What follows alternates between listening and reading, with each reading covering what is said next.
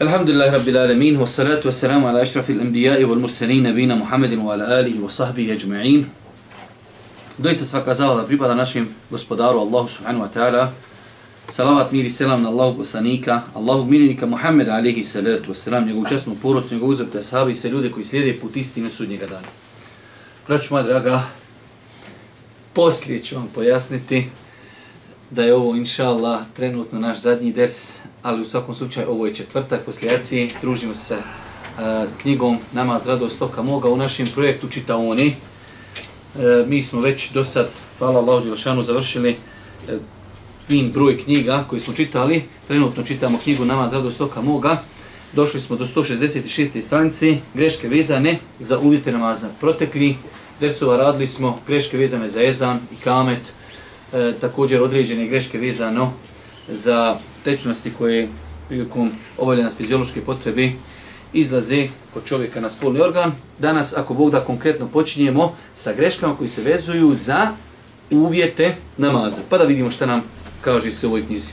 Jedna od specifičnosti odlika namaza jeste i to što se da bi bio validan prije njegovog započinjanja trebaju ispuniti mnogi uvjeti.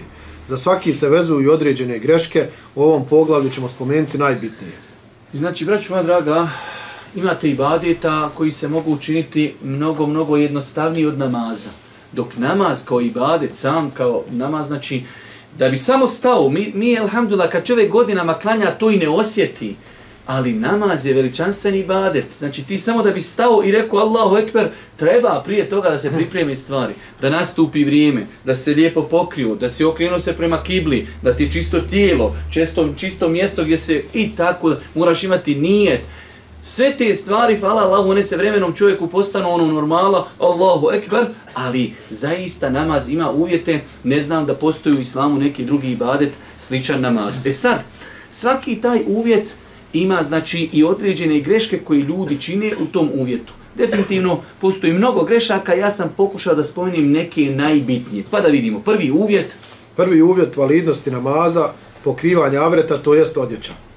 Greške vezano za odjeću namazu i pokrivanje avreta. Prva, namaz u odjeći koja ne pokriva avrete, to jest stidni dijelove tijela. Mm -hmm. Jedan od uvjeta ispravnosti namaza je pokrivanje stidnih dijelova tijela neprozirnom odjećom.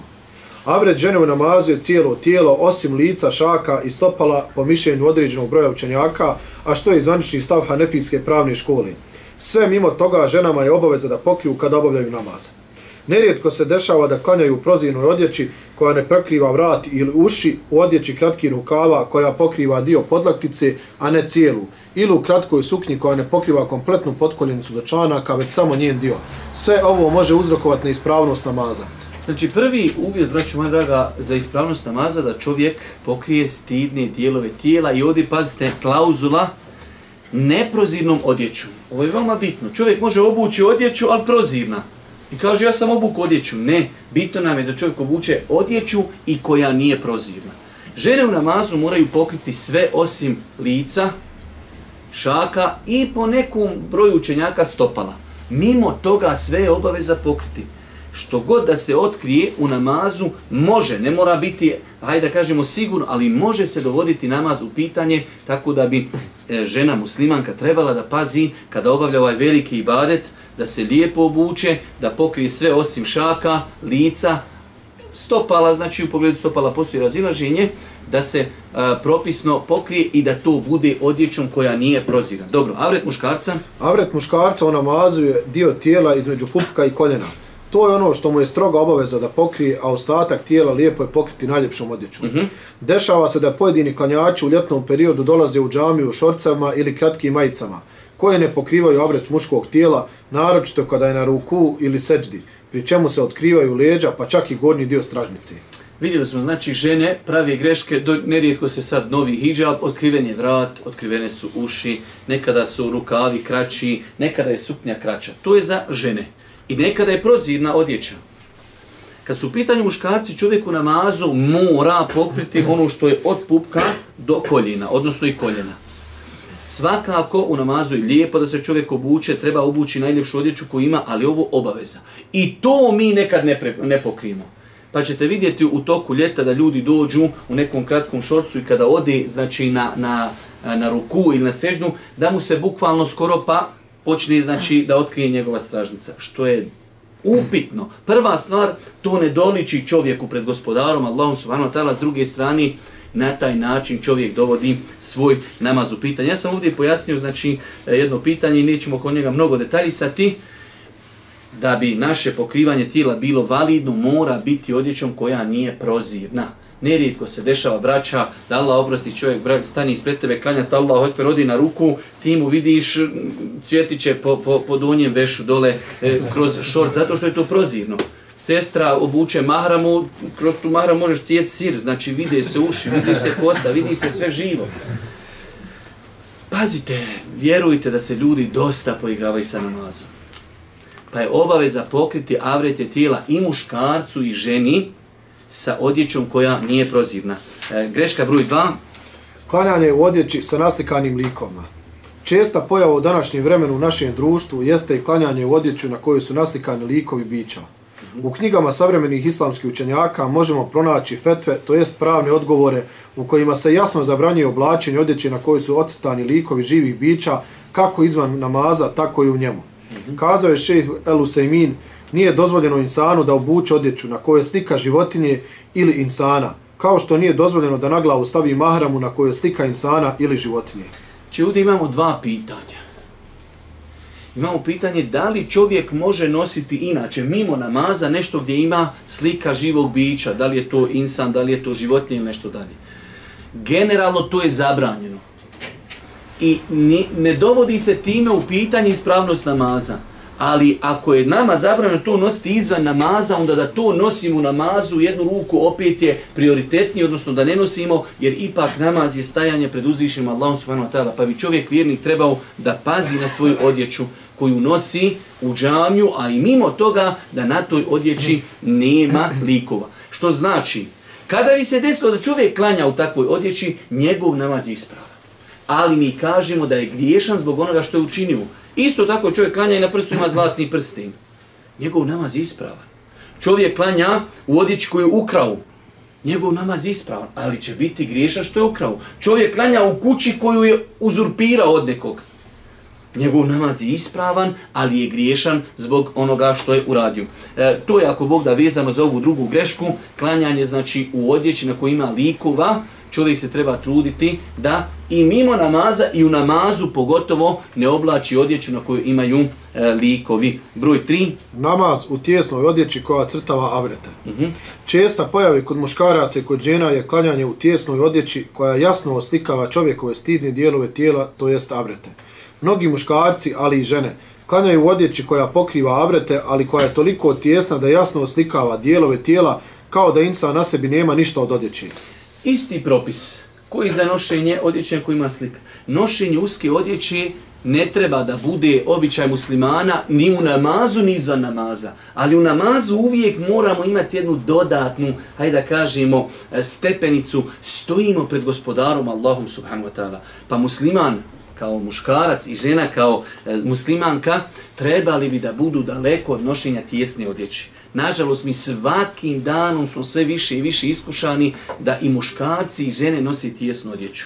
Do te mjere da ti zaista kada vidiš čovjeka u džamiji, znači vidiš žena ode u džamiju da klanja, ona je bukvalno stavila mahramu i nosi dole helanke. Namaz kao namaz takav je ispravan. Zašto? Zato što on pokriva avrete ali čovjek čini jednu stvar, hajde da li ćemo reći haram, ali ćemo reći da je to nešto što ne doliči da čovjek obuče toliko usku odjeću i tako klanja namaz. Broj četiri. Namaz otkrivene glave. Uh mhm. -huh. Neki ljudi smatraju pokuđenim ili čak zabranjenim obavljanje namaza otkrivene glave. Mnogo puta sam bio u prilici da vidim kako stari ljudi u džami negoduju da ih u namazu predodi osoba otkrivene glave. Znači ovdje je greška, vraću moja draga, što se nameće ljudima nešto što nema utemeljenja. Dobro, nije sporno da čovjek lijepin smatra da, da se klanja u kapi. Ok. Ali je sporno negodovati, neko hoće da prođe, da, da nas predvodi, halo, nemaš kapi, pa se sad svi moramo vidjeti ko ima rezervnu kapu da dadimo čovjeku. A dotle to ide. Znači, ne možeš proći u mihrab ako nemaš kapi. Ja sam jedne prilike na jednom mjestu klanio, Da, Allah oprosti, nisam imao kapu i poslije namazan čovjek kaže, znaš šta je kaj, proputovao sam svijet. Ja znam koliko vam proputovo, Zenčki, kanton i Travnički. Ali proputovao sam, kaže, svijet. Svašta sam vidio, ali da neko klanja kaj bez kape, to nisam vidio. Rekao, ništa, hajde, nema vezi, bez pojašnjenja. Svakako, sad ću mi spomenuti nekoliko faktora koji se vezuju za ovo pitanje. Broj A. Ne postoji vjerodostojan hadis koji preporučuje obavljanje namaza pokrivene glavi. Ne postoji nešto da ti kažeš ima hadis koji preporučuje da se klanja pokrivene glavi. To je nama najbitnije. Mi možemo pitanje nošenja kapije vratiti na običaj naroda. Ali samo običaj. Ne možemo nikako ići na stepen da nekoga, hajde da kažemo, da mu to naređujemo i da nekoga prezirimo zbog to. Nikako. Znači, nema vjerodostojan argument koji kazuje trebate klanjati pokrivene glanje. Broj 2. U vjerodostojnim hadisma zabilježeno je da je Allahu poslanik sallallahu alejhi ve sellem nosio turban te da je tako klanjao i među ljudima, ali ne postoji vjerodostojan hadis koji ukazuje na to da je namaz turbanom vrijedniji od namaza bez turbana. Znači, Arapi su imali običaj u to vrijeme da nose turban. I poslanik je nosio turban, imate dosta hadisa o tome. Ali argumenti u kojima stoji da je namaz sa turbanom vrijedniji od namaza bez turbana nisu vjerodostojni, iako imaju takvi hadisi. Znači, nošenje turbana je vezano za običaj, znači, Arapa koji je bio tada za vrijeme Božih poslanika, ali se tu oselam. Tako da, ako vam neko dođe i kaže ima neki hadis gdje je namaz u turbanu toliko puta vrijedni, odmah zažmir kaže, taj hadis nije vjerodostan. Izvinjaju se. Broj 3. Pohvalno je da insan obuče lijepo odjeću kada želi obaviti namaz, jer time postupa po riječima uzvišenog Allaha, o sinovi Ademovi, lijepo se obucite kada hoćete molitvu obaviti. Znači, nama je propisano u sho- shodno vremenu i prostoru koji mi živimo, kada krenimo namaz, da se lijepo obučemo. Možda nekada prije 30-40 godina i običaj naših naroda jeste bio da se sta- zaista klanja u, u, u kapi. Ali danas to više nije tako. Danas 95% ljudi u džami koji dolazi u mladinci ne nose kapu. I ne možemo onda ljudima reći, e običaj kod nas. Taj običaj bio i gotovo, znači više nije. Pa je nama propisano da se obučemo lijepo ono što podrazuma, podrazumijeva vrijeme i prostor koji mi živimo. Da čovjek obuče lijepu majicu ili jaknu, lijepe hlače, znači to, to se misli ovim ajetom o sinovi Ademiju, lijepo se obucite kada molitvu hoćete obavljati. Nikako da taj hadi- ajet ukazuje da je obaveza čovjeku da nosi kapu. Broj 4 ili D. Ako je običaj jednog podneblja nošenje kape, odnosno pokrivanje glave prilikom izlaska iz kuće, i ako se to smatra ukrasom za muškarce, onda je lijepo tako i činiti. Znači, ako se smatra nošenje kape običaj jednog naroda, mi smo rekli da je to, ali to je nekada bio običaj našeg naroda, dok je to zaista u zadnje vrijeme, u zadnji možda 30 godina, ako ne i više, više nemaju muslimani neki fes ili neku kapu francusku ili nešto drugo što je njihovo obilježje. Tako da znači e, sve ove stvari ukazuju da je teško obavezivati ljude da u namazu moraju imati kapu. Emire, nemoj tu sjeti, nemoj sjeti, sjedi ovdje. Onaj, nije sporno, čovjek klanja u kapi, i ja klanjam u kapi, i da ima kapu, ali ovdje je samo problem obavezivanja. Čovjek stane u mihra bez kapi, čovjek se ufati za glavu. To mi samo hoćemo da kažemo da je greška. Idemo dalje. Broj 5. E, greška. Smatrati da nije dopušteno klanjati u obući. Nakon što smo konstatovali da je dopušteno klanjati izvan kuće i džamije, odnosno na svim čistim mjestima, postavlja se pitanje može li se na tim mjestima klanjati u obući. Sunet poslanika sallallahu alejhi ve sellem govori nam da je pohvalno klanjati u obući na kojoj nema nečistoće. Stoga ako se na obuć, stoga ako na obući ima zemlje ili blata, to neće umanjiti validnost namaza jer ih islam ne smatra nečistim. Ovdje imamo nekoliko stvari. Znači mi smo na jednom eh, znači, od predavanja govorili da čovjek može klanjati svugdje izvan kući. I greška je smatra se samo klanja u kući ili u džamiji. Čovjek, vjernik, može klanjati u avionu, i u autobusu, i u kancelariji, i u rudniku, i na njivi, i na izletu. Može svugdje klanjati. Dobro. Samim tim, ako smo to konstatirali, da li je sunnet klanjati u obući? Pa je ispravno mišljenje, to potvrđuje hadis Buhari i muslima od Enesa radijallahu ta'ala da je Boži poslanik klanja u obući. E sad ovdje dolazi ispravno rezonanje ovog sunneta. Za vrijeme Božih poslanika čak i njegova džamija, džamija Božih poslanika u Medini, nije bila zastrta čilimima. Ljudi su klanjali i sjedli na prašini, na pjesku. Pa su ljudi mogli i u džamiji klanjati u obući. Dok u današnje vrijeme džamije su zastrte činima, da ne bude sutra neko pezić nam je rekao u obući, a jarahatluka u gojzercama svežeš i u prvi sav, ovo je kmer. To nije sunnet. Znači u džamije se ostavlja se obuća i to lijepo, kultu. Imate ljudi dođe u džamiju i ostavi obuću ondje gdje ljudi prolazi. Musliman treba da bude uredan. Žalosno je što mi kad e, je 20 ljudi dođe u džamiju imate 19 cipela koji nisu složene, jedne stoje gore, složene samo. Musliman kada dolazi u džamiju treba da, da poštuje kodeks džamije, da uzme svoje cipele, da ih lijepo postavi na mjesto gdje se ostavlja obuća.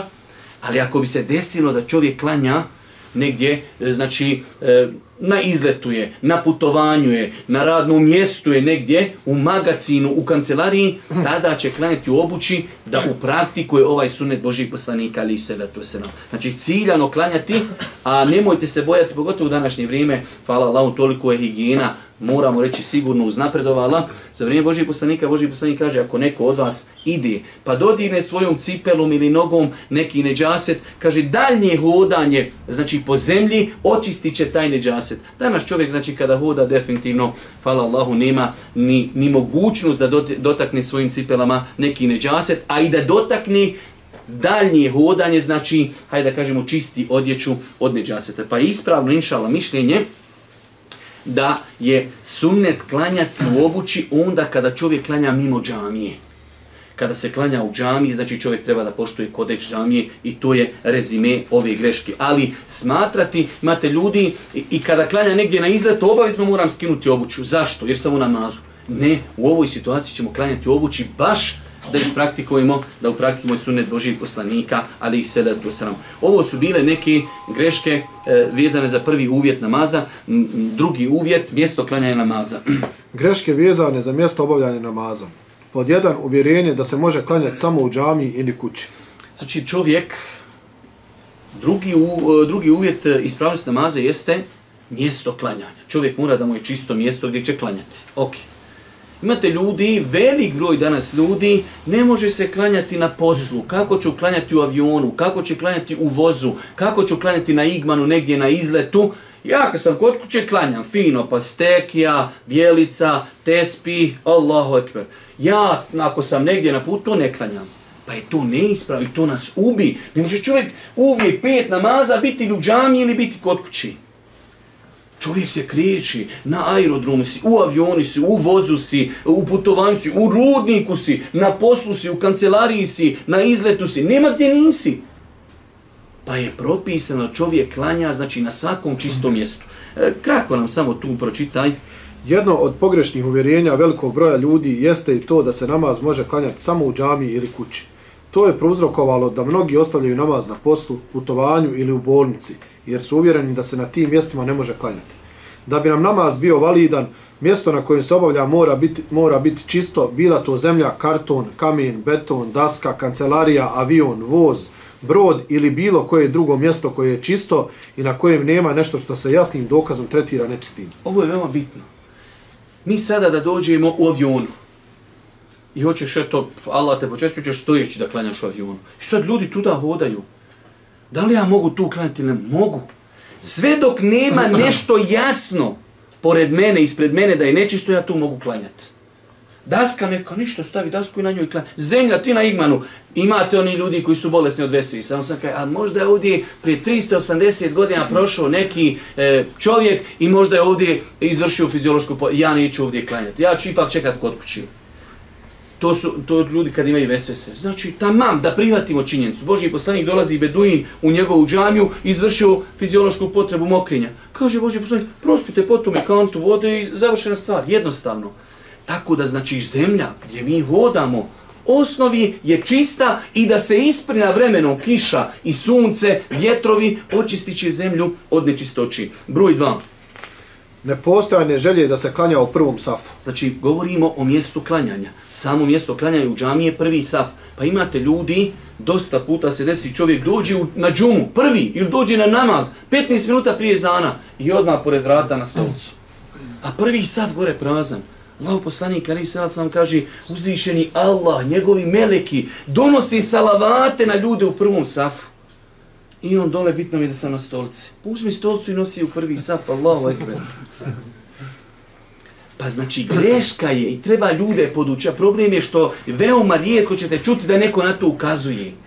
Treba ljude podučavati kodeksu ponašanja u džamiji. Dolaziš u džamiju, ideš i tražiš jedno mjesto koje nije popunjeno u prvom safu.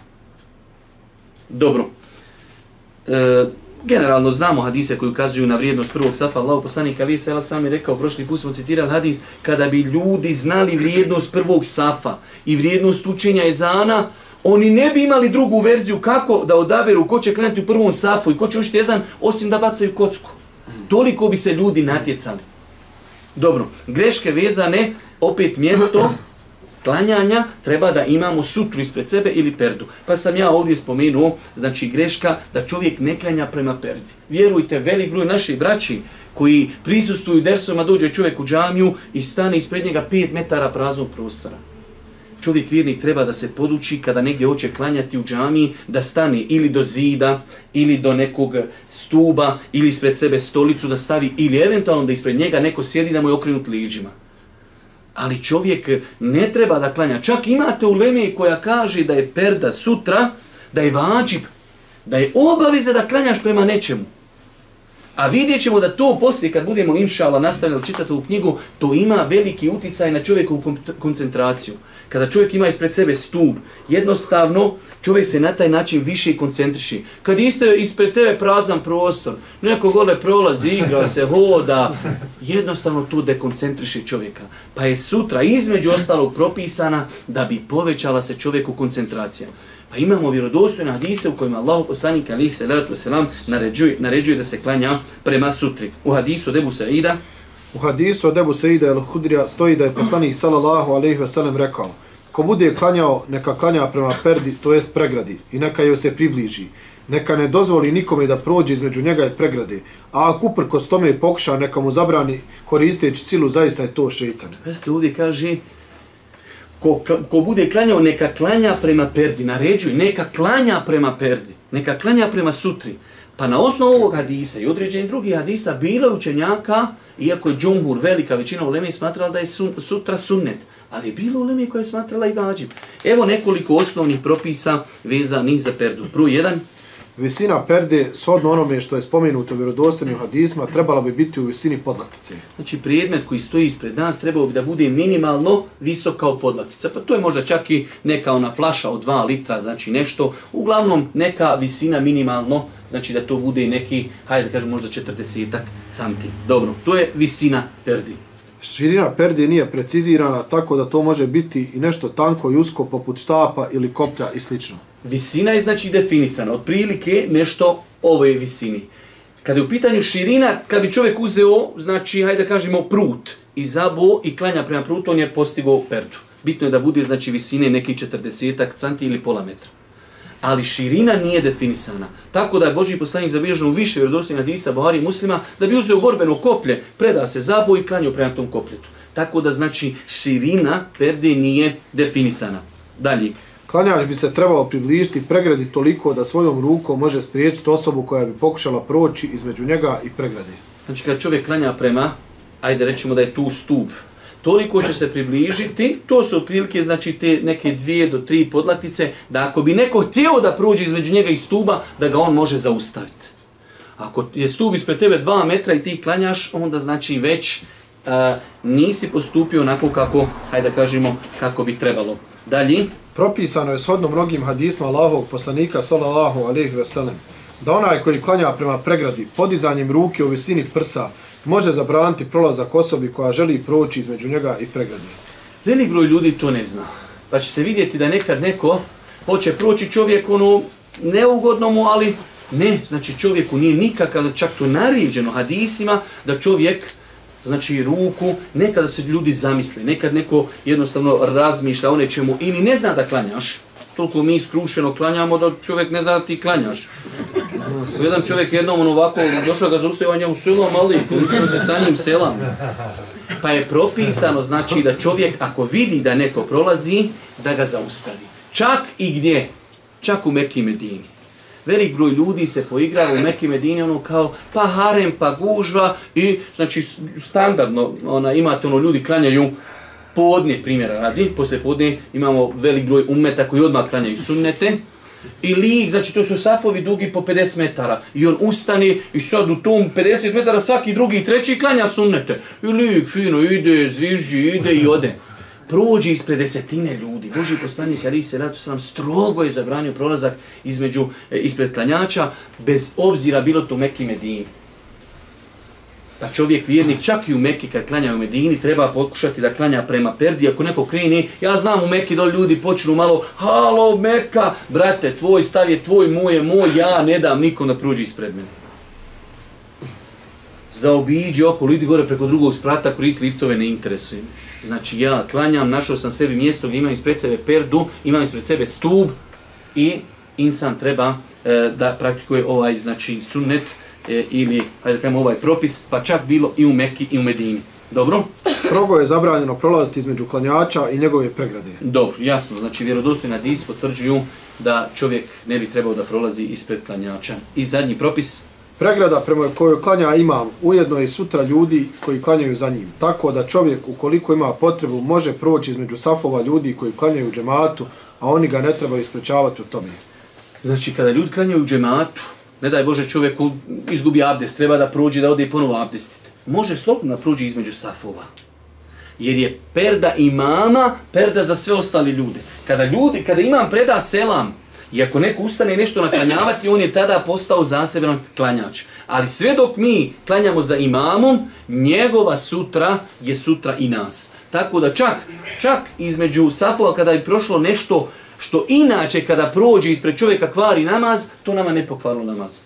Znači, između safova se smije hodati normalno ako ima zatim potreba. Svakako čovjek treba pasti, jer većina ljudi ne zna propis ovaj, misli da je između safova isto zabranjeno hodati. Treći uvjet ispravnost namaza, nastupanje namaskog vremena, da bi namaz bio čovjeku validan, mora ga klanjati u namaskom vremenu. Namasko vrijeme ima svoj početak, ima svoj kraj. Nerijetko, zna nam se i to des nedjela čovjek ide ranije, pa kaj mogla ja še u 11 klanjat podne, eto to idem na aerodrom. Ne mre paša nikako privremeno. Ali isto tako ne može ni posli. Pa imamo jednu veliku problematiku, velik broj ummeta, veoma, veoma tolerantno se odnosi prema pitanju namaskog vremena, pa ćete vidjeti da ljudi, znači zbog neke sitnici, propuštaju da namazu prođe namasko vrijeme. Da vidimo, prva greška, nastupanje namaskog vremena jedan je od uvjeta validnosti namaza. Može, može, greška. Od, od... Odgađaj namaza nakon istecanja namaskog vremena. Mnogo ljudi u našem podneblju zbog stvari poput gledanja utakmice, filmova i serija propuste namaz ili ga ne obavljaju u njegovom vremenu. Muslimani, musliman treba znati da je namaz vremenski ograničen i badet. Pa kao što nije validno klanjati prije nastupanja namaskog vremena, tako ga se ne može odgađati i obavljati nakon istecanja jasno određenog perioda. Kaza je Allah, a kada nama završite, Allaha spominjite i stojeći, i sjedeći, i lazeći, a u sigurnosti obavljajte namaz u potpunosti, jer vjernicima je propisano da u određeno vrijeme namaz obavljaju. Vjernicima je propisano da u određeno vrijeme, ne možeš ti klanjati kako god hoćeš. Jedne prilike zasjedala je neka ekipa kao ljudi, šta znači kad neko nema šerijetskog znanja, pa gužve kaj nahađuju i kao sjeli su da imali kakvo rješenje za hađu kažu, em, pa što ne bi dva puta godišnji hađ, znači mjesto 4 miliona ljudi veli po 2 miliona, bit će manja gužva. Brate, Arefat mora biti tog i tog datuma, kad bi bilo, ne znamo ti šta. Pa je veoma bitno, znači, da čovjek ima ima ispravno znanje u pogledu toga, tako i u pogledu namaza, namasko vrijeme ima svoj početak, ima svoj kraj. Ne može se klanjati prije i ne može se klanjati poslije. Pročitaj nam samo šta je kazao E, imam Ibn Qayyim. Ibn Qayyim je rekao, muslimani se ne razilaze u tome da je namjerno izostavljanje obaveznih farz namaza toliko da prođe namasko vrijeme jedan od najvećih grijeha i da je grijeh ostavljanja namaza veći od ubistva, bespravnog uzimanja i metka, bluda, krađe, pijenja alkohola, te da se počinilac tog grijeha izlaže Allahove kazni i srđbi na dunjaluku i na ahiretu. Konstatacija veoma teška ostaviti namaz i kaže teži nego od ubijstvo, bespravno uzimanje metka, blud, krađa, pijenja, alkohola. Veliki grijesi. Pa čovjek musliman treba da pazi, znači kada je u pitanju namaz, namaz ima svoje, ima početak namaz, ima kraj namaz i u bilo kojem dijelu vremena. Nerijetko se dešava da ljudi ne znaju propis da se namaz ne mora klanjati u prvom vremenu. Znači ako imamo, rećemo ako je po vaktiji, danas i kindija u dva sata, da čovjek dođe 10 do 2 i klanja podne, on je alhamdulillah uspio da klanja. U vjerodostojnom hadisma Boži poslanik kaže, ko uspije klanjati rekiat, samo rekiat, prije zalaska sunca i kindije, znači rekiat i kindije, prije on je stigo i kindiju. On je znači klanio rekiat prije zalaska. I onda sunce zašlo, ostala tri je klanju u nama akšamskom vremenu. On je stigo namaz. Tako da je veoma bitno da čovjek klanja u namaskom vremenu. Svakako, najbolje je klanjati u prvom namaskom vremenu. Ali ne može čovjek uvijek klanjati u namaskom, prvom namaskom vremenu. Čovjek na poslu, čovjek ima neke sastanke i tako dalje, doktor, e, operacije, svašta nešto. Bitno je da čovjek klanja u namaskom vremenu. Dobro, e, idemo, ovdje smo mi malo o tome više detaljisali, ali inšala mi prelazimo na e, drugu grešku, smatrati. Smatranje da postoji rani i kasni sabah. Uh -huh. Određeni broj ljudi je uvjerenja koje je potpuno neutemeljeno da postoji rani i kasni sabah. Prema takvima, rani sabah je namaz koji se obavlja pri izlaska sunca, a on kasni onaj koji se obavlja nakon izlaska sunca. Ja, kad ustao sam, kaj poranio sam, klanio sam rani sabah. Koji je kasni, to te kasni, ono, okreneš na posu, 15 do 9, hm, klanjaš sabah i na posu. To je kasni, ovaj rani. Nema u islamu rani i kasni. Osim kad bi čovjek rekao ranije na početku namaskog vremena, kasnije na kraju namaskog vremena. To bi moglo se proći. Znači čovjek, od, rekli smo od početka namaskog vremena, kad god da klanja, alhamdulillah, ispravno je. Ali klanjat nakon namaskog vremena, ja znam, čitao sam fetvi islamskih učenjaka, gdje ljudi kažu baš tako. še ne mogu ustajati na saba, meni je lakše kad krene na poslu, 8 sati, ustavim sam 10 minuta ranije, a, a, klanjam saba i, i na, pod abdestom krenem još i na posu, fino, pravo, sve. Pa nama sabah nama znači ima svoje vrijeme, pojava zore, početak pojave zore do izlaska sunca. U tom periodu čovjek treba da nađe vrijeme kada će klanjati sabah namaz. E, broj 2. Nepoznavanje načina određivanja nastupanja namazskog vremena bez savremenih pomagala. Ovdje sam ja detaljno pojasnio neke stvari, ali znači generalno velik broj nas se danas oslanja namazsko vrijeme vaktija. Sutra ćeš biti negdje u situaciji gdje neće biti s tobom mobitel. Biće on jednih 24 sata i nakon 24 sata pretplatnik nije. Nije bati, ne imati sad mobitel da može biti više od 24 sata. I ti si negdje otišao na logorovanje i više nema namaskih vremena. Pa čovjek bi vjernik trebao. To je toliko prosto, toliko jednostavno. Znači kako se određuje kada je podni namaz, kada je kindija namaz. Znači imamo sabah namaz je lako, pojava zori do izlaska sunca, podni, kada sunce vidi na, bude na polovini neba, a odlučiti, od, odrijeti kako je sunce na polovini neba, stavi se jedan obični štap u zemlju i prati se sjenka. Jer sunce kad dolazi sa istoka, znači udara u taj štap i sjenka se lagano smanjuje, smanjuje kako sunce dolazi do pola neba, smanjuje se. Onog momenta kad sjenka ponovo počne rasti, zašto? Jer je sunce prešlo prema zapadu i počinje ponovo sjenka da raste. Tog momenta kada trum počne sjenka da, da raste ponovo, sunce je prešlo polovinu neba. Toliko jednostavno. I kindija kada svaka, svaki predmet ima duplu sjenku, akšam za, sa zalaskom sunca, nestankom crvenila nastupa jacija namaz. Pa je bitno da čovjek vjernik ne znajući gdje ga šta, hajde da kažemo, očekuje, bitno je da zna odrijediti nastupanje namaskih vremena bez ovih savremenih pomagala. Dobro, četvrti uvjet, Četvrti uvjet validnosti namaza je okretanje prema kibli. uh -huh. Greške vezane za okretanje prema kibli. Prva, boravak u haremu Kabe i neokretanje prema njoj. Lično sam vidio ljude koji klanjaju namaz u haremu Kabe i koji je vide, ali zbog nemara i gafleta nisu okrenuti prema njoj. Kada govore o okretanju prema kibli islamski Kabi, islamski učenjaci spominju pravilo da što je klanjač bliži Kabi, veća mu je obaveza da se preciznije okrene prema njoj. Zbog toga se osoba koja vidi Kabu mora okrenuti pravo prema njoj da bi joj namaz bio važan. Znači, osoba koja vidi Kabu, zaista, ja sam prošle godine ošao na umru, žena neka, nako, po izgledu Egipćanka, starija žena, znači, sjedi na gornjem spratu, ovako je Kaba, ona ovako klanja. Ali znači iz prednje Kjaba, ja rekao, teta, Allah te nagradio, eno Kjaba, kućeš ti tamo, okrenila se prema Medini čoveče. A Kjaba dole, dobro kad si u hotelu, možda malo i ofuliš, ali u haremu vidiš Kjabu i okreneš se ovako. Koliko su ljudi u gafletu i ne zna, najosnovnija pitanja, vjeri, tako mi Allaha. Najosnovnija, pa vidiš Kjabu i ljudi se okrenu mimo Kjabi. Pa je čovjeku, znači, što je bliži Kjabi, tolerancija je manja. Što je dalje od Kjabi, zato Boži poslanik kaže za stanovnike Medine. Ono kaže što vam je od istoka do zapada. Sve je to za vas kibla.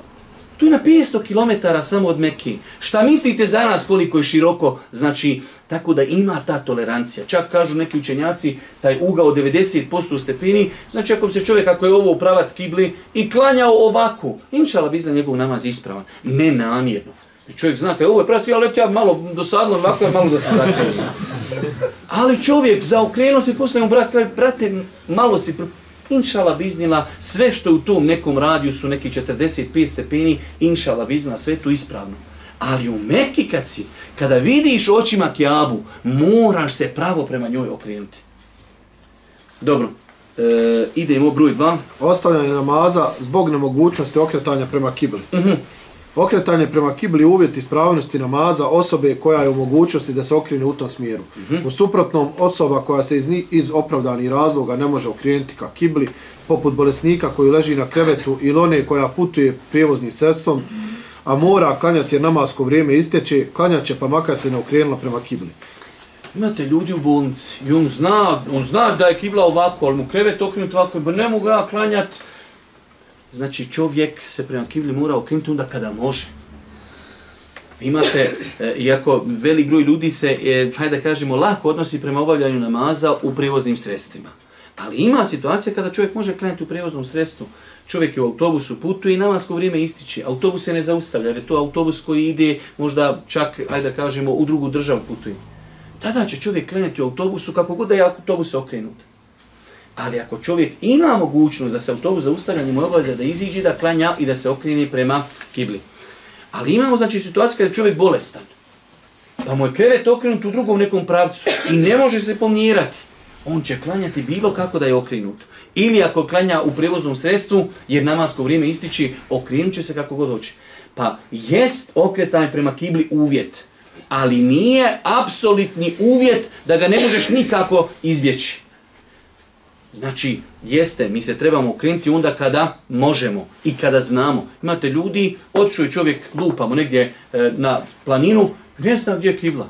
On se potrudi na osnovu određenih faktora i kaže ovako ću klanja. Klanja, nakon toga dođe čovjek, trebao si ovako. Završeno. Ispravan namaz. Pa imamo mogućno, imamo jednu verziju, a to je da čovjek se ne može okrenuti fizički zato što je bolestan. Njegov namaz je ispravan i mimo kibli. Imamo drugog čovjeka koji ne zna gdje je kibla. On će se potruditi da se okrene prema kibli i ako promaši, njegov namaz je inšala ispravan. Broj 3. Nepoznavanje razlike u okretanju prema kibli u pogledu farza i na fila namaza. Uh -huh. Od grešaka vezani za ovo poglave za koje se vezuju i dodatne greške jeste to da veliki broj muslimana ne zna da nije obaveza okrenuti se prema kibli kada je u pitanju na fila namaz koju hoćemo klanjati dok smo na putu. Ovo je znači jedno pitanje, ja sam govorio dosta puta, braći, ljudi dosta puta putuješ. Putuješ prema krajini. I ti prema krajini si uvijek okrenut leđima prema kibli, znači. Ali ako si u toku vožnje ti si suvozač, možeš klanjati na filu. Boži poslanik ali se radi salam zabilježeno od Isma Buhari muslima, kada bi znači uvjete da si na putovanju i da se kričiš. Na fila se tada može klanjati, ne da se okrećeš prema kibli. To je velika blagodat. Ljudi vozači kamiona, čovjek vozi kamion i klanja na filu. Gdje god da je okrenut, sjedeći u autu, koliko puta sjediš i voziš se s nekim u autu satima, čovjek ako ništa ne moraš sat, klanja tri sata, klanjaj dva rekiata. Pa je znači e, veoma bitno čovjek zna kada je na putu, to je prvi uvjet i druga stvar kada se kriči. Kada čovjek bio ne, na putu je, ali ne kriči se. Krenuo je čovjek prema, hajde kažemo, opet prema Kajini i negdje se zaustavio. Pa kaj ne moram se okretati prema kibli. Ne, ako si zaustavljen, trebaš se okrenuti prema kibli.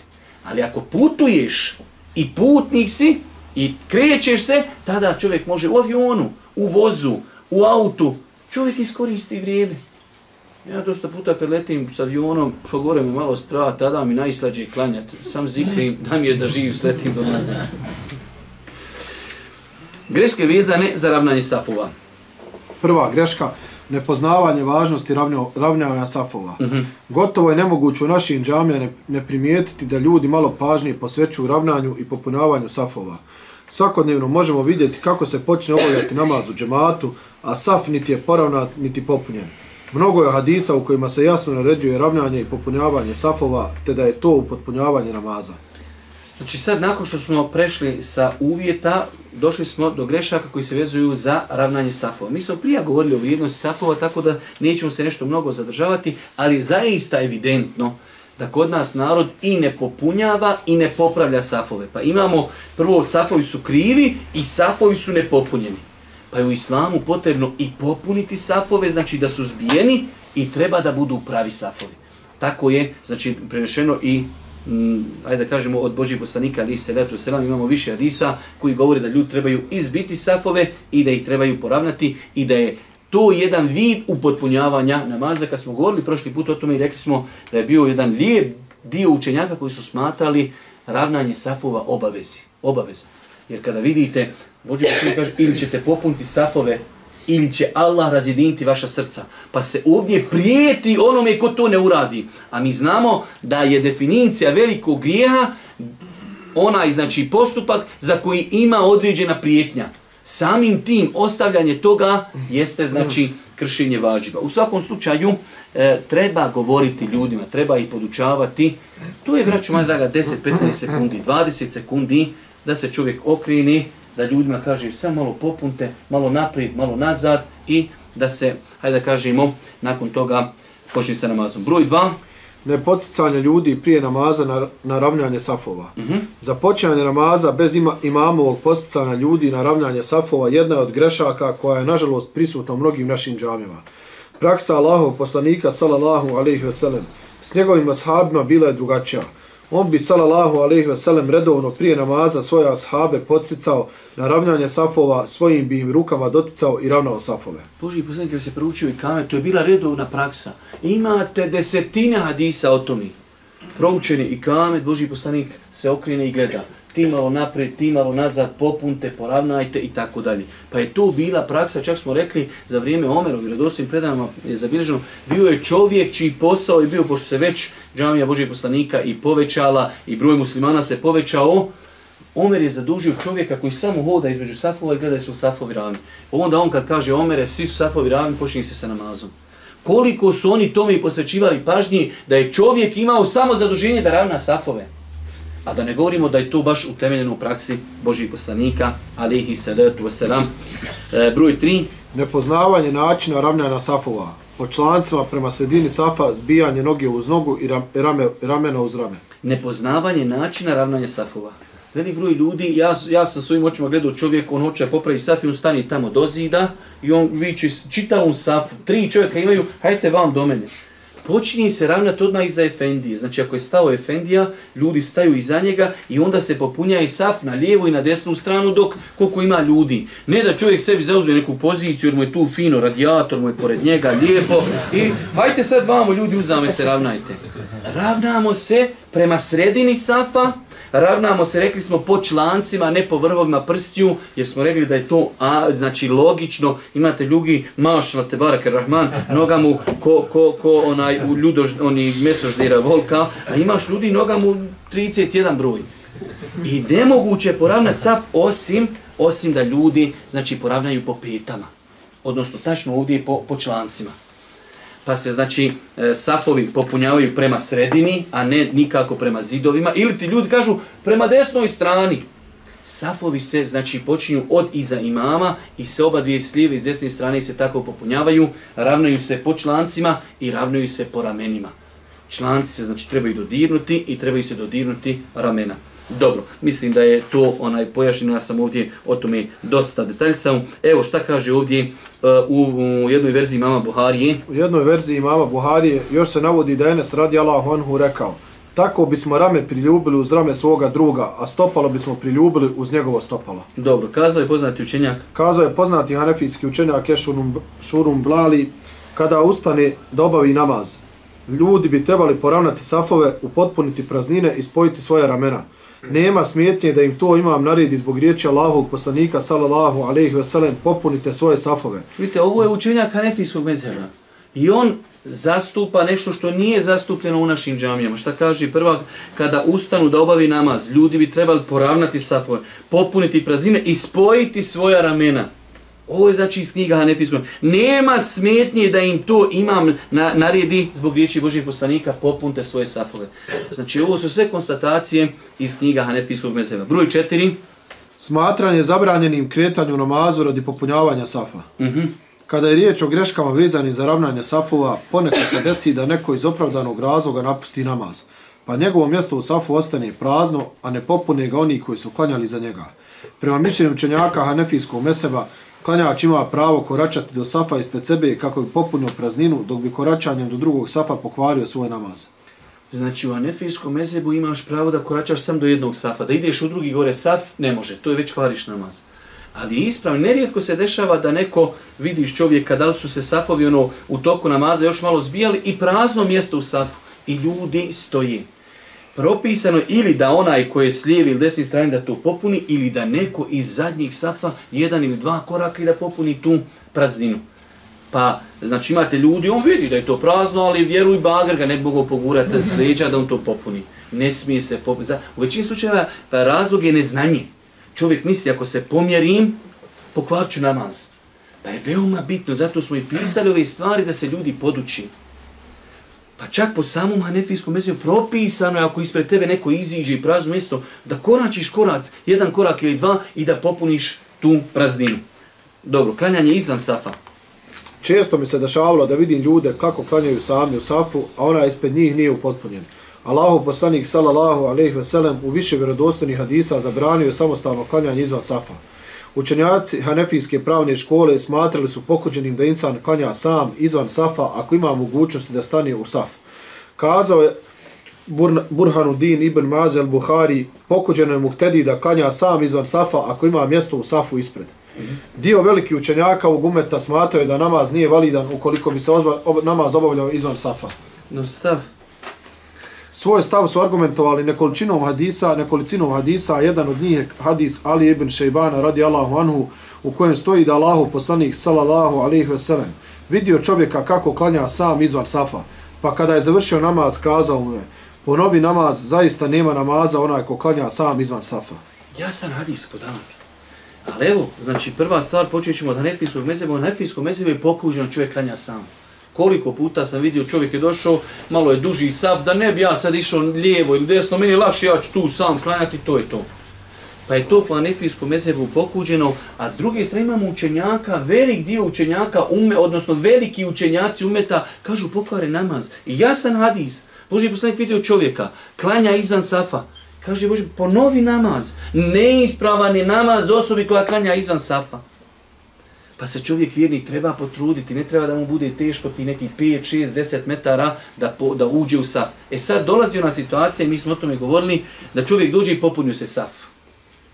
Tada čovjek kada klanja sam, inšala bizne njegov namaz ispravan. Zašto? La yukellifu Allahu nefsen illa usaha. Allah ne opterećuje insana preko njegove mogućnosti. Čak i rekli smo i neispravno, iako ima velik dio učenjaka koji kažu nekoga će čovjek potegnuti. Vidite, koliko je to bitno pitanje da je bilo u Leme koja kaže potegni nekog i safa, nemoj sam da klanjaš. Zbog čega? Nemoj sam da klanjaš. Iako mi smo rekli da je to neispravno, znači čovjek ako dođe i saf se 100% potpunju, klanjaće sam. Jer samim tim znači čovjek pravi nekoliko prekršaja, prvo saf znači postaje, hajde da kažemo, na jednom mjestu prekinu. S druge strane, imate ljudi koji jednostavno u svom neznanju možete mu uzrokovati pokvarenost namaza. Čovjeka možeš povivu klinići čovjek, šta je, šta me zove, šta me tekniš, što nisi došao na vrijeme. I zaista se to može desiti, tako da je ispravno, inšala, biznila čovjek ako je došao u džamiju, ako u safu ima mjesta, trebao bi da odi da ne izlaži svoj namaz, ne daj Bože, neispravnosti. Ali ako dođe zaista sav popunjen, onda inšala će klanjati sam. Zato je kod Arapa poznato, zato što su oni, eh, hajde da kažem, u datom momentu i imaju više znanja i malo su liberalni. Kod njih ako čovjek dođe sam, a popunjen saf, on krene od zadnje trojice i četvorci svakog malo poramenu i ljudi se malo potiskaju i to je poznato kod njih. Ako klanjaš popunjen saf, došao samo jedan čovjek, on dođe zadnji peše ljudi svakog pod malo ramenu i svi se malo nagnu i napravi čovjeku mjesto u safu, znači u toku namaza. Znate koliko puta mi se to desilo? Čovjek je samo malo zarami, ljudi odmah znaju u čemu se radi, svi dodatno malo stiskaju saf i čovjek uđe u saf. Ali, znači ako bi čovjek i klanjao inšala sam, njegov namaz je ispravan, ali ako ima mjesta u safu, ne bi trebao da dovodi svoj namaz u pitanje. Ovaj hadij se, braću moja draga, jasan. Više nego jasan. Boži poslanik, ali se radi ponovi namaz. Dobro. Da je samo rekao ponovi namaz, mi mogli reći, pa možda ima tu neki drugi faktora, ali jasno mu kaži, zaista nema namaza onaj ko klanja izvan safa. Hem mu dao Boži poslanik propis, hem pojasnio propis. Ponovi svoj namaz, jer je neispravan namaz osobi koja klanja izvan safa. Dobro. Greške prilikom ulaska u džamiju, inšala da time završimo e, do poglavlja greške u namazu, mislimo greške u namazu, od kako čovjek donosi početni tekbir, da preletimo preko ovih nekoliko grešaka, greške prilikom ulaska u džamiju i priključivanje namazu. Prva, sjedanje u džamiju prije klanjanja tehijetul mešđida. Uh mhm. -huh. Primijeto je da mnogi griješe nakon ulaska u džamiju tako što sjednu prije klanjanja dva rekata, a neki prvo sjednu pa nakon nekog vremena ustanu i klanjaju dva rekata što je također neispravno. Ta dva rekata islamski učinjaci nazivaju tehijetul mesđid, to jest pozdrav džami, iako nisu u sunnetu Allahu poslanika sallallahu alejhi ve sellem tako nazvani. Mm -hmm. Allahu poslanik sallallahu alejhi ve sellem preporučuje onome ko uđe u džamiju da ne sjeda prije nego što klanja dva rekata. Mm -hmm. Od Ebu Katade radi Allahu anhu prenosi se da je Allahu poslanik sallallahu alejhi ve sellem kazao neka niko od vas ne sjeda u džamiji prije nego što klanja dva rekata. Znači, greška je da čovjek uđe u džamiju i sjedne prije što klanja dva rekiata. Propisano po ovom hadisku i bilježi Buharija i Muslim kaže neka niko od vas ne sjedni dok ne klanja. Svakako, klanjanje tehijetu da po većini, velikoj većini učenjaka je sunnet. Ali ipak, sama ta činjenica da čovjek, e, ako sjedni, on se suprostavlja ovom hadisu čovjek bi trebao da uvede sebi u praksu, kada god uđem u džamiju, klanči dva rekiata. Osim zaista da postoji neka, hajde da kažemo, vanredna situacija, čovjek dođe, možda ima u toku neko predavanje ili jednostavno situacija iziskuje da on sjedni zato što je možda upadno da tada klanja, ali generalno čovjek bi trebao da se trudi kada god uđe u džamiju da klanja tahijetul mešin. Sada dolazimo do onog momenta, vi znate da u islamu imate ono pitanje e, da u, u tri vremenska perioda u toku dana se ne može klanjati na fila opća na fila. Da li čovjek kada uđe, primjer radi, došao si 5 do 12, u 12 sati nastupa primjer radi podnije, da li tada klanjati tehijetul mešćid? Inšala, bizna ispravno je da e, tehijetul mešćid je namaz sa povodom. I namazi sa povodom ne potpadaju pod zabranu znači e, obavljanja opće na fili. Jeste, znači u periodu kada je sunce na polovini neba ne treba klanjati opću na filu. Ali ovo nije opća na fila, ovo je na fila sa povodom kada čovjek obavi tavaf, pa nakon toga klanja dva rekiata, to su dva rekiata sa povodom. Tahijetul mešći, dušao sam u džamiju i klanjam dva rekiata, povod je moj ulazak u džamiju. Pa kada namaz ima svoj povod, tada se namaz klanja i u vremenima kada je zabranjeno klanjati opću na filu. Definitivno, e, čovjek ovo mi podučajemo da se čovjek zna nositi, možda će sutra vidjeti čovjeka koji sjedni, ušao u džamiju i sjedni. Ti mu kaže, brate, nisi klanjao, kaže, ja smatram da u ovo vrijeme ne treba klanjati. Ekstra. Jer većina učenjaka zaista smatra da čovjek kada uđe u džamiju, ako je vrijeme u kojem je zabranjeno klanjati na filu namaz, da se ne treba, ne treba klanja ni tahijetul mešćid. Ali šafijski mezebi, Allah najbolje zna da je to preferirajuće mišljenje, su na stavu da čovjek ovi namaze koji imaju povode, klanja ih uvijek. Čak do te mjeri vjerodostojne hadisi potvrđuju da čovjek kada uđe u džamiju i imam drži hutbu, klanjat će ta dva rekiata. Imamo vjerodostojno, gdje se Boži poslanik drži hudbu i vidi čovjeka ušao u džamiju, jesi li kaže klanjao? Nisam. Ustani, klanjaj dva rekiata, ali kratko klanjaj. Svakako, ja, evo ja već godinama to gledam, imate ljudi kod nas, evo ja većinom klanjam čumu u Fadovoj i čovjek dođe još se hudba snima, znači sa 3-4 kamere i stane gore u, među prvi i drugi saf i Allahu ekber. Brate moj dragi, samo malo, malo nam treba, hajde da kažemo, razmišlja, stani negdje u čošak, klanjaj ta dva rekiata i lijepo sjedi. Svi ljudi, sad vjeruju ljudi, više ne gledaju mu derisa, svi gledaju u njega kako on klanja. Pa i od mudrosti da čovjek negdje klanja, znači u čošku, da se negdje skloni, klanja dva rekiata i sluša. Ne, gore, tačno pred kamere, znači strani, Allahu ekber, ne kažemo, ne daj Bože da on klanja zbog kamera, ali to se prenosi, ljudi gledaju, dekoncentri, čak se imam dekoncentriši u datom momentu. Tako da čovjek, ok, neću sjedati, ali ću negdje u čošak, negdje kod nekog stuba, znači klanjati dva rekiata.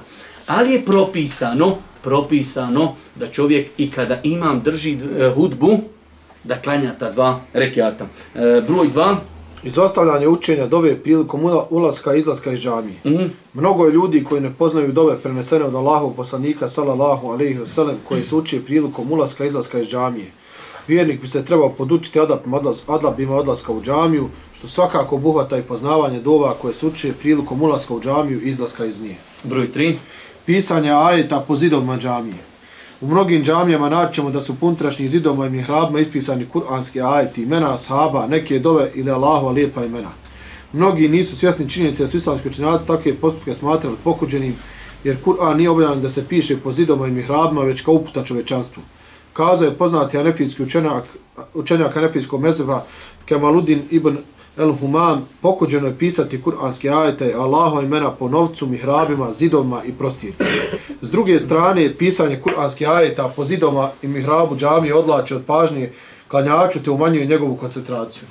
Znači, braćo moja draga, nažalost, kad odete u neke velike svjetske džamije, zidovi su ispisani, to čovjek, znači, ako zna arapski, počneš klanjati, odjednom vidiš ti, učiš, gledaš tamo, čitaš ti na noj levi, imate, imate čak, Imate, znači, sura ispisana. Ovako, ispisana je po cijeloj džami. Ti kad počneš mm, klanjati, ti ideš tako i učiš i okreneš. osjetiš ti kad viš ti se zaokrenuo. Gdje sam krenuo pa učiš dekoncentriše te, eh, to dekoncentriše klanjača, s druge strane, znači, Kur'an je objavljen ne da bi se znači vješao po zidovima i da bi se pisao po džamijama, objavljen je da bi se prvenstveno živjelo i radilo po njemu. Ja sam zato ciljano citirao ovdje govor ovog poznatog nefijskog učenjaka da je pokuđeno da se Kur'an stavlja, znači kur'anski ajet je Allahova imena po novcu, novac u džepu. Pa je stavljeno tu neki kuranski ajet, Allahu ime, ulazi se u WC i tako dalje. Znači e, da se ne stavlja na novac, niti na mihrabe, niti na zidove, niti na prostirku. Broj četiri. Dolazak u džamiju nakon konzumiranja bijelog luka ili duhana. Dalje. Pojedini Muslim čitam. klanjači griješe kada dolaze u džamiju, džamiju nakon konzumiranja bijelog luka. Allahu poslanik pojasnio je u vjerodostojnim hadisma da osoba koja jede bijeli luk ne treba dolaziti u džemat, već će namaz obaviti u kući zato što neugodan miris uznemirava meleke i ostale klanjače u džamiji. Allahu poslanik sallallahu alejhi ve sellem govorio je: Ko bude jeo bijeli ili crveni luk, neka se izdvoji od nas ili udalji od našeg mežda i neka sjedi kod svoje kuće. Jasno, vraću moja draga, i zaista, kod nas to i nije možda toliko izraženo, ali se desi, ali kod, u arapskom svijetu je kod njih to mnogo više izraženo, oni mnogo više konzumiraju bijeli luk. I onda oni skoro jedni drugi ne osjeti, znači to, znaš, ljudi, on dođe, on kad dihne ispred sebe paša, znači u nekom radijusu dva metra, znači ne možeš diha, disati od, od, od tog nekog onaj zadaha njegovog. Tako da, Allah poslanik je došao u jednom vjerodostojnom kaže innel melaike te te te eza Mima je teza minhu benu Adem. Melekima smeta ono što smeta i ljudima. Pa čovjek treba, znači u tom datom momentu, ako je već konzumirao bijeli luk, bijeli luk je halal i čovjek ako ga konzumira, neka konzumira, ali u tom momentu dok, hajde da kažemo, e, miris ili zada bijelog luka dok- dok ne prestani, ne treba da dolazi u džamiju kako neke ljude ne bi uznemiravao i vjerujte da e, čovjek nekada se zadesi u situaciju da razmišljaš da li da prekriš namaz ili ne. Toliko zna čovjek e, po, i ovi neki malo, malo jači duhanđe koji slabije e, vode evidenciju o zamjeni odjeće, pranju zuba i tako dalje. Znači staneš kod čovjeka ko da si stao pored ođaka. Znači on paša, ne znaš ni šta klanjaš, samo čekaš da, da hođa preda selam. Svakako ovdje ispadne, e, imate ljudi koji će to, jer tako je to razmišljanje, to šeta njima došlo, pa tamam, veli, ako ja već konzumiram e, duhan, pa ja ne trebam da niš ni u džamiju. Ne, ti trebaš ići u džamiju, ostavi duhan. E, to je ispravno razmišljanje. Jer on veli, ja inako, inako duhan, to znači ja ne trebam ići u džamiju. Da, ti trebaš u džamiju, ostavi duhan. Pa čovjek, znači kada je u pitanju duhan, ne može se analogno koristiti bijelom luku u smislu bijeli luk dok konzumira on je halal i u periodu dok se osjeti bijeli luk ne idemo u džamiju. Ali konzumiranje duhana je haram, zato ga čovjek treba ostaviti da ne uznemirava druge ljude kada, kada dolazi u džamiju. Broj 5. Reklamiranje i kupoprodaja u džamiji. Nerijetko po našim džamijama možemo vidjeti izložene knjige za prodaju. Kupoprodaja u džamiji strogo je zabranjeno jasnim hadisma Allahog poslanika. Od Amra ibn Šuajba, od njegovog oca, od njegovog djeda prenosi se da je Allahov poslanik sallallahu alejhi ve sellem zabranio kupovinu i prodaju u džamiji. da se u njoj traži, oglašava izgubljena stvar, da se citira poezija i da se ljudi okupljaju halkama prije džuma namaza. Ono što je nama interesantno, da jasno Boži poslanik zabranio da se trguju u džamijama. Ja sam koliko puta sam vidio svojim očima kada vidite e, ispred, znači u prednjem dijelu džamije ili iza, imate knjige na kojima stoji cijena i znači e, trgovina se odvija u džamijama, što je zabranjeno. Čovjek treba, e, ako ništa, ako ne može na to ukazati, ako ništa neću ja kupovat, neću ja znači, trgovati u džamiji, a shodno opet granicama da čovjek i na to i ukaži. Broj šest, Postavljanje satova koji odzvanjaju u džamiji. Mm -hmm. Jedno od pitanja koje su islamski učenjaci spomenuli u knjigama koje govore o greškama vezanim za džamije jeste i postavljanje velikih zidnih satova koji otkucavaju zvoneći. Od Ebu Hureri radi Allahu Anhu prenosi se da Allahu poslanik sallallahu alaihi ve sellem govoreći o zvonu kazao šeitanova svirala. Šeha Alban, inače vrstni sahađija, u jednoj od svojih knjiga ispričao je kako je svaki put kad bi nekoj džami u Siriji čuo zidni sat koji otkucava i zvoni, pojašnjavao ljudima da je to zabranjeno, a potom bi zatražio od nadležnih da isključe zvonjenje, tako da bi sat i dalje radio, ali se ne bi čulo njegovo zvono. Jednostavno, čak imate to i u nekim džamijama po Bosni, da se jednostavno to bera bi dođeš u po i onda on taun, taun, taun, jednostavno uh, od udara od ambijenta džamije, od udara od, od svetosti, hurmeta džamije, da, da ti veliki sat, znači nije spuno da u džamiji ima sat, ali jednostavno bez tih velike ljubavi. Znači, ovo što sam ja naveo, ciljam sam naveo, znači da se vidi da to neko ne piše i sad ja samo u jednoj džami vidim. To je jednostavno u arapskom svijetu imate u dosta džamija takvi satove. Broj 7. Učenje Kur'ana u džamiji povišenim tonom koji uznemirava druge. Uh -huh. Među greškama koje se dešavaju, dešavaju u džamijama je učenje Kur'ana povišenim tonom. Toliko da to drugima smeta i da koncentriše ih. Kada uđe u džamiju, insan bi trebao maksimalno potruditi da razgovara ili uči Kur'an tiho, kako ne bi drugi uznemiravao i dekocenca obavljanju namaza. Mm -hmm.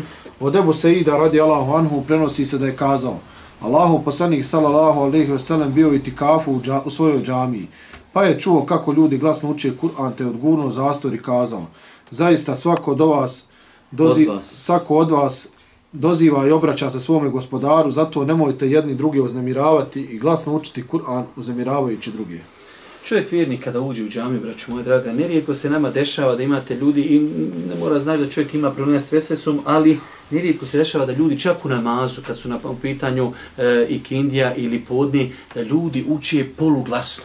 I ti dođeš ti na pola etahijat, on kaže Allahumma salli ala Muhammed. Pa Bože, nemaš ti ne, da on tebe pre i ti za njim. Allahumma salli ala Muhammed. Ti njega opet prostigneš, a on ta Ali Muhammed, i ti opet, ve Ali Muhammed, vrati se i za njim. Ti počneš učiti je tajna, on kaže, vele dalin, i ti vele da ne mereš, dekoncentrišete, pa čovjek treba paziti. Džamija je mjesto e, skupnog ibadeta. Kad si, brate, kod kući klanjaj, kako god hoćeš, ne možeš nikoga uznemiravati. U džamiji mora postojati kodeks. Znači, vjerujte, skoro možda drugi, svaki drugi, treći dan dođe ti neko stane kod tebe i tako znaš svaku dovu koju je učio i svaku suru i koliko je stigo je tahijatu svega u namaz zato što on uči poluglasno. Pa se čovjek treba truti kada je u džami i bespotrebnim govorom i, be, i bespotrebnim podizanjem glasa prilikom učenja Kur'ana i u namazu treba se paziti da uznemirava drugim, da ne uznemirava druge ljude muslimane. Broj 8. Nepoznavanje načina pristupanja namazu i propisa vezani za priključenje džamatu. Uh mhm. -huh. Mnogo puta sam video ljude kako zakasni na namaz, odnosno na jedan ili više rekata za imamom, a potom predaju selam s imamom bez naklanjavanja onog što su propustili. Vjerujem da svako od nas se vidi. Dođu ljudi okasni u džemat, rekija dva ili tri, hođa preda selam i on preda i sjedi. Ljudi ne znaju znači najosnovnija pitanja priključivanja džematu.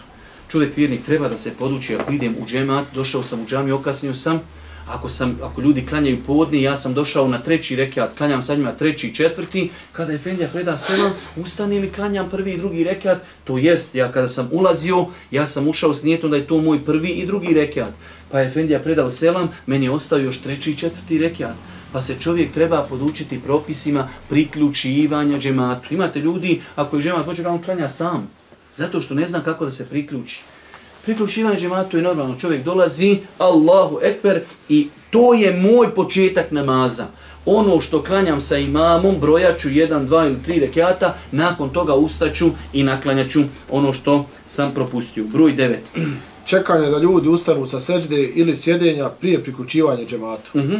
Određen broj ljudi ako zakasni na namaz koji se klanja u džematu, pa zatekne džemat kako sjedi na tehijatu ili na seđdi, ne priključuje se odmah džematu, već čeka da ustanu, pa im se tek tada priključuje. Ovakav postupak je neispravan.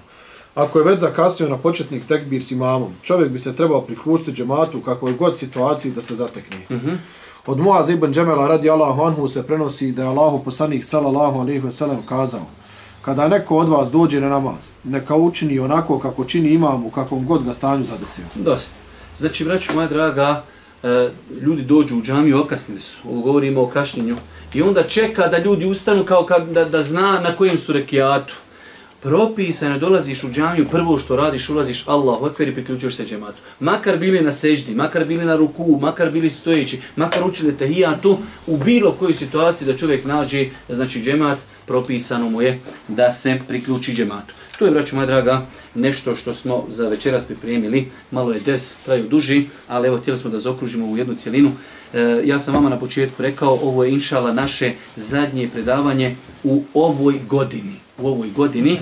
E, definitivno, e, i sljedećeg četvrtka mi nećemo nastavljati, zato što sad od srijedi, inšala od srijedi, počinje jedna zimska škola Islama koja će biti pošto imamo znači novu godinu pa ne možemo ponedjeljak utorak, ali od srijede počinjemo u svim radnim danima, znači inšala u narednim jedno dva mjeseca do tri mjeseca, svake večer, dakle njaci namaza će imati dva e, predavanja iz fika, iz akide i iz hadisa. Tako da sve dersove sa strane ćemo e, ukinuti, pa i ovaj ders, inšala, kada se završi ta škola, ljetna škola, e, zimska škola Islama, e, nastavljamo sa čitaonicom ovdje gdje smo večera stali, moj je savjet za one koji imaju vremena da putem interneta, pošto će samo biti mogućnost se prati putem interneta, da prisutuju ovoj školi. E, inšala će nešto novo naučiti, a isto tako za najredovnije i najbolje obezvijet ćemo odlazak na umru, tako da, e, eto, oni koji nisu još nikad bili na umri, evo im prilike da nešto novo nauči ovjeri, a isto tako i da da posjete Meku i Medinu. Tako da, inšala, imat ćemo jedan poprilično e, dobar program, pet radnih dana, ponedljak, utrak, sjeća, četvrtak i petak, nakon jacije namaza, neki pola sata, svaku veći po dva školska časa. E, tako da ako izdržimo neka dva mjeseca, bit će tu možda neki stotinjak predavanja, tako da može se inšala mnogo toga obraditi. Pokušat ćemo da to budu neke najosnovnije stvari, jer primjetno je da mnogo ljudi se vraća vjeri, a nedostaje im je to sistematsko učenje vjeri. Jednostavno čovjek sluša ovdje jedno predavanje, ovdje jedno predavanje, ovdje jedno predavanje, ali nedostaje neko sistematsko učenje vjeri iz fika, iz hadisa, iz iz akide, tako da, inšala, pokušajemo e, putem interneta da, ajde da kažemo, popunimo tu jednu veliku prazninu koja je, e, vjerujem, e, baš velika praznina, tako da od večeras, inšala, neće više biti čitaoni, pa tamo negdje, inšala, možda polovinom marta ili ne znam nija kraj marta da ako Bog da ponovo započnemo. Vi ste većinom svi članovi u grupi Čitaona kada inšala uh, eh, mi počnemo bit ćete na vrijeme obavješteni Allah vas nagradio svakim dobrom. Selam alaikum.